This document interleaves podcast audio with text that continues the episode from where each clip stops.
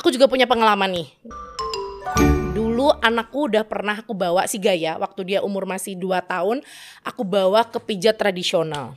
Pas banget aku bawa ke sana karena banyak banget ya ibu-ibu di luar sana tuh bilang, e, "Bu, dibawa ke sini aja ke ibu ini. Nanti kalau dibawa ke sana anaknya nanti bisa lebih cepat jalan. Karena waktu itu kan Gaya memang nggak bisa merangkak belum bisa merangkak. Dia tuh modelnya tuh uh, waktu masuk 10 ke 11 itu tuh masih yang ngesot gitu loh kayak berenang. Nah terus aku bawalah ke sana. Dan ternyata begitu aku sampai di sana apa yang terjadi?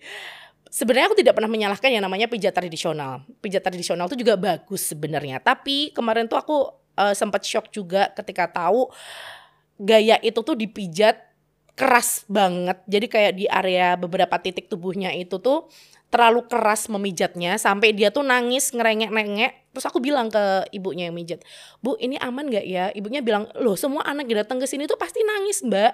Karena memang uh, nanti setelah dia pulang dia tidur habis itu baru merasakan efeknya.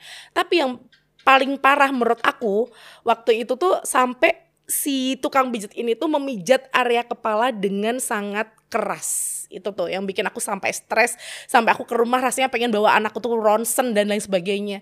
Padahal sebenarnya tuh uh, kita kan pengennya bawa anak ke pijat tradisional mungkin ya biar dia cepat jalan biar dia nanti cepat bisa merangkak dan lain sebagainya. Tapi ternyata begitu aku sampai sana malah yang ada adalah aku shock banget sampai pulang tuh aku bawanya pengen nangis karena aku lihat tuh anakku tuh kayak kesakitan banget gitu kan.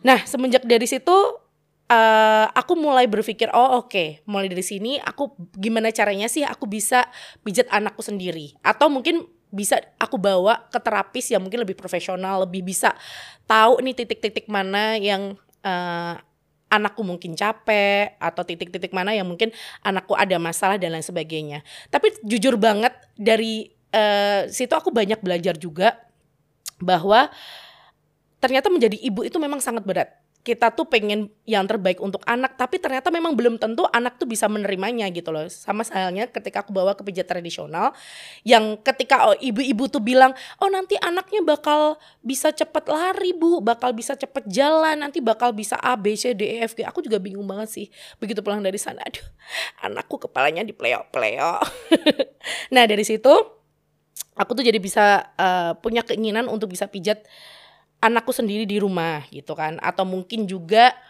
uh, gampangnya sih kalaupun kita nggak sempat untuk memijat anak kita kita mungkin bisa uh, kayak mengundang terapis ke rumah atau kita bawa bawa anak kita mungkin ke terapis yang sekarang ada banyak banget di luar sana.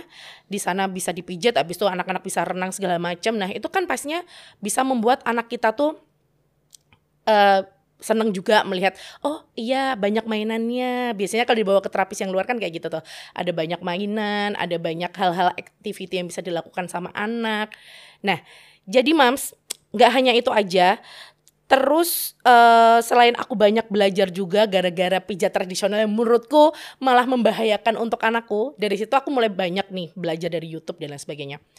Uh, ternyata memijat anak tuh penting banget kayak setelah selesai mandi kadang tuh kayak si Zoe kan masih 10 bulan. Kadang tuh uh, kakinya tuh aku gerak-gerakan. Jadi selain aku memijat kaki memijat area tangan memijat area punggung dan lain sebagainya kakinya pun juga aku uh, tekuk luruskan lagi tekuk luruskan lagi. Nah itu gunanya untuk merangsang supaya anak bisa uh, kuat gitu ya untuk otot-ototnya seperti itu. Selain itu juga kalau yang sering dilakukan adalah pijat I love you.